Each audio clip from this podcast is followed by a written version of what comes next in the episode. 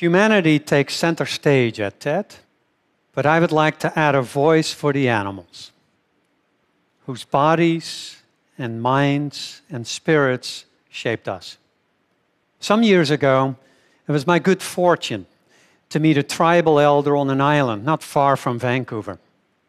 His name was Jimmy Smith, and he shared a story with me that is told among his people, who call themselves the Kwikwah Sutanuk. Once upon a time, he told me, all animals on earth were one. Even though they looked different on the outside, inside they were all the same. And from time to time, they would gather at a sacred cave deep inside the forest to celebrate their unity. When they arrived, they would all take off their skins. Raven shed his feathers, bear his fur, and salmon her scales. And then they would dance. But one day, a human made it to the cave and laughed at what he saw because he did not understand.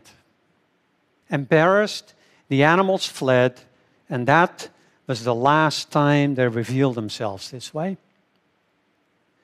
The ancient understanding that underneath their separate identities, all animals are one, has been a powerful inspiration to me. I like to get past the fur, the feathers, and the scales. I want to get under the skin. No matter whether I'm facing a giant elephant or a tiny tree frog, my goal is to connect us with them, eye to eye. You may wonder do I ever photograph people? Sure. People are always present in my photos, no matter whether they appear to portray tortoises or cougars or lions. You just have to learn how to look past their disguise. As a photographer, I try to reach beyond the differences in our genetic makeup to appreciate all we have in common with every other living thing.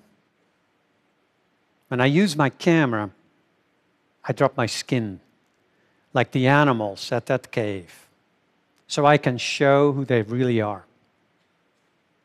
As animals blessed with the power of rational thought, we can marvel at the intricacies of life.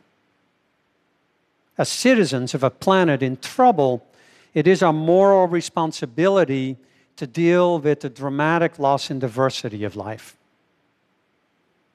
But as humans with hearts, we can all rejoice in the unity of life, and perhaps we can change what once happened in that sacred cave.